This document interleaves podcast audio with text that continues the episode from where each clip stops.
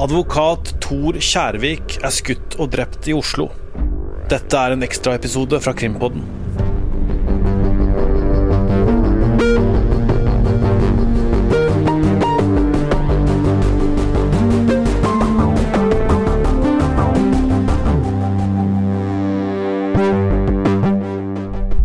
i kontakt med et vitne på stedet. Pål André Eidsvik forteller at han hørte flere skudd mandag kveld.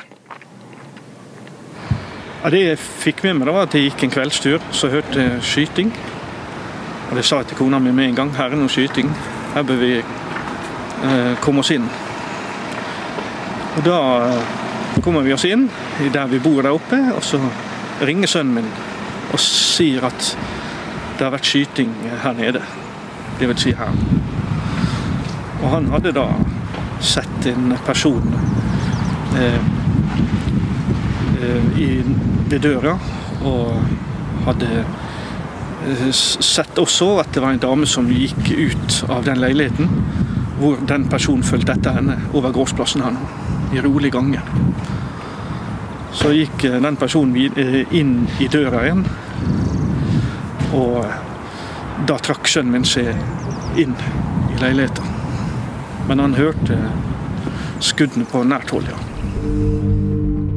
Den 70 år gamle advokaten ble skutt i hjemmet sitt mandag kveld, og døde seinere av skadene. Krimekspert Øystein Millie, hva veit vi nå om det som skjedde? Vi vet jo da at eh, denne tragiske saken uh, starta i går kveld.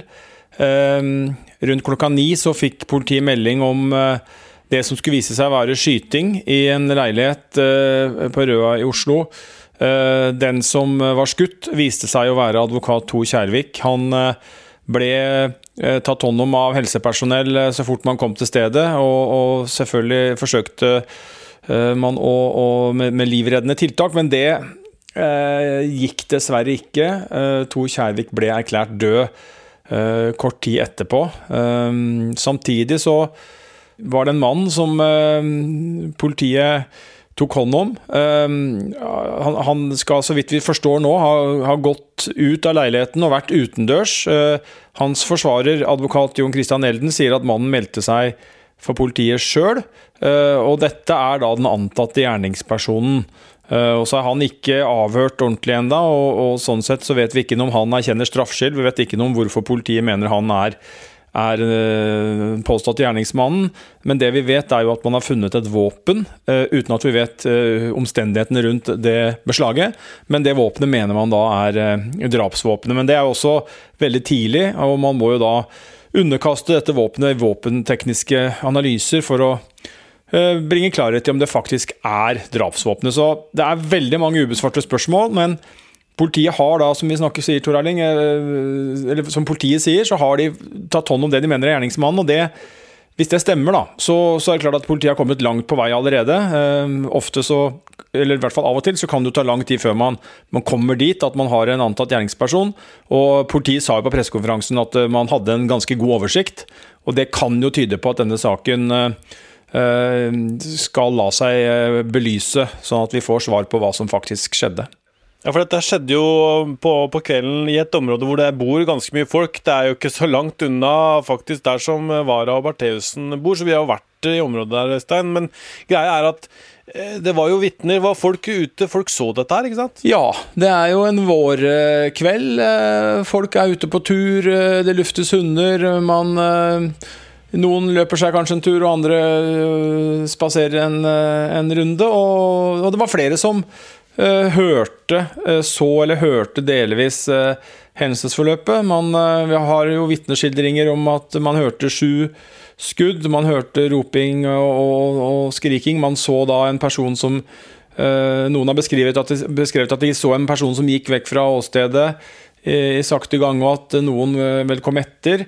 Eh, og så skal vi legge til at vi vet jo ikke om dette har noe med denne saken å gjøre. Vi bare gjentar det som nå er eh, rapportert fra vitner i ulike medier i, dag. Men, men, eh, men i hvert fall vitnene har oppfatta det som om det hadde en sammenheng. Da. Og så vet vi da at politiet på et tidspunkt fikk kontakt med en mann i 30-årene som har en nær relasjon, som det er sagt på pressekonferansen, til Kjærvik, og at vedkommende er utpekt som gjerningsperson eh, sikta for drap. Eh, og så gjenstår det jo da, som vi var inne på, veldig mange undersøkelser og etterforskningsskritt før vi kan slå fast om dette er, eh, om dette er eh, løsningen på denne saken. Ja, ikke sant. Og, og, hva som har uh, skjedd her, og hva som er foranledningen til uh, dette. Men uh, Tor Kjærvik, det er jo en mann som du har vært borti mye, Øystein? Ja, jeg, jeg kjente Tor Kjærvik godt gjennom jobben, og er jo litt satt ut i dag, og, og rysta og, og sjokkert. og, litt sånn problemer med å summe meg helt. Jeg eh, har jobba med flere av de store sakene som Tor Kjærvik også har jobba med, og hatt mye kontakt med han opp igjennom. Um, han forsvarte jo, som sikkert mange husker, Kristin Kirkemo um, sammen med advokat Jonny Veum. Uh, oppnådde jo der en uh, straffereduksjon fra til nei, fra, fra herredsretten til lagmannsretten på, på, fem år. Hun gikk fra 21 til 16. Uh, mye verre takket være advokatenes innsats. Uh, han forsvarte en av eh, de som var tiltalt for Nokas-ranet. Eh, endte opp der med en svært eh, lav straff. Så Tor Kjærvik var en mann som jeg vil si altså Uttrykket 'hel ved' kan jo være litt forslitt, men akkurat for Tor Kjærvik så, så, passer det veldig godt, og han fylte hele det begrepet. integritet. han var ikke den som ropte høyest, ikke den som var teatralsk på noe vis. Han lot eh, sin stillferdige argumentasjon, ofte skarp i kantene og, godt juridisk forankra, eh, tale for seg, og, og, oppnådde resultatet på den måten for klienten. Og de som ble forsvart av Tor Kjærvik, de kunne være trygge på at om de het Kristin Kirkemo, eller om de var en en vaneforbryter, så var han påskrudd og ga klienten det forsvaret de fortjener. Eh, og det er altså Det de fortjener, er det aller beste forsvaret. Sånn er, sånn er det jo i rettsstaten vår, og Tor Kjærvik han var jo en politijurist og også konstituert som politimester i Finnmark en periode, men han gikk da over på det vi kan kalle den andre siden, ble forsvarsadvokat og ble der. Og har utmerka seg som en av de aller, aller største og dyktigste forsvarerne eh, i, i, i lang tid og var nå 70 år. og eh, Han skulle jo på jobb i dag i, i tingretten eh, i et eh, rettsmøte der. Ja, eller om det var i morgen, jeg er litt usikker på det. Men han var i hvert fall fortsatt i, i eh, arbeid. Jeg tror han nok det sies at han var i ferd med å kanskje skulle roe litt ned. Han fylte jo 70, som du var inne på, Tor Erling, eh, for ikke lenge siden. Og Eh, men, men fortsatt eh, en aktiv forsvarer. Har vært fast forsvarer i Oslo tingrett i veldig, veldig mange år. Respektert og eh, avholdt av sine motstandere også. Både politijurister og statsadvokater. Andre forsvarsadvokater som man kunne ha ganske tøffe oppgjør med i retten, var han hva skal vi si, en kollegial og god tone utafor rettssalen. Eh, som jo veldig mange er opptatt av å ha. Til tross for at man da står mot hverandre, så skal man kunne opptre som kolleger og snakke sammen. Og det var jo Tor Kjærvik en mann som representerte. Han hadde ingen problemer med å snakke med de som eh, sto mot ham i retten. Og veldig mange advokater nå har jo allerede uttalt seg eh, i rosende ordelag om Kjærvik, og advokatstanden er jo eh, rysta og sjokkert i dag over å våkne opp til en, nyhet om at eh, en bauta som Tor Kjærvik eh, ikke er blant oss lenger. Jeg leser på vg.no, så er jo andre kjente advokater som Frode Sulland, Mette Yvonne Larsen, Ola Lunde ute nå og på en måte forteller om, eh, om sine opplevelser med Thor, da, og, og, at de er i, i sorg nå for å ha hørt om at han da ble drept uh, i sin bolig uh, mandag kveld. Ja, så det, er, eh, det sier ganske mye om, om, det, om hvem Tor Kjærvik var, når man leser uh, hvordan kolleger og de som kjente ham uttaler seg nå, så, så, er det veldig dekkende, føler jeg, for hvordan jeg også lærte han å, å kjenne. Um, hadde jo mye med han å gjøre med han gjennom Orderud-saken. Nei, det er vanskelig å egentlig forstå at han eh, er skutt og drept. Han, han var en stillfaren, eh, hyggelig og, og ja, veldig dyktig fagmann som, eh, som, det er helt ufattelig at er, er, er, borte på den måten der. Og Så er det sikkert mange som lurer på da om hvorfor ikke vi på en måte forteller mer eh, og spekulerer mer om hva som har skjedd, men, men det vi vet, vi må forholde oss til det vi vet, og det er at det er en, en mann som har en nær relasjon til Kjærvik, som nå er pågrepet, og han meldte seg selv, og, og er ennå ikke avhørt. Altså, dette er jo veldig, veldig tidlig, så vi kommer jo selvfølgelig tilbake kanskje, med, med, mer om dette da, uh, utover når vi får vite mer. Ja da, og i hvert fall på alle VGs flater så blir den saken her uh, omtalt og dekka nå selvfølgelig både i dagene og ukene og, og månedene fremover, etter hvert som det blir en rettssak eventuelt osv. Men det er som du sier, Tor Erling, langt frem dit. Nå står man uh, helt i startfasen. Uh, og så, eh, og så, er det jo greit å få avklart uh, i den grad man kan trekke noen slutning. Det kan man egentlig ikke, men det at man da går ut og sier at det er en person i nær relasjon, det, vil i hvert fall ta brodden av det som kunne kommet av spekulasjoner uh, rundt at dette skulle ha noe med advokatgjerningen hans å gjøre. da.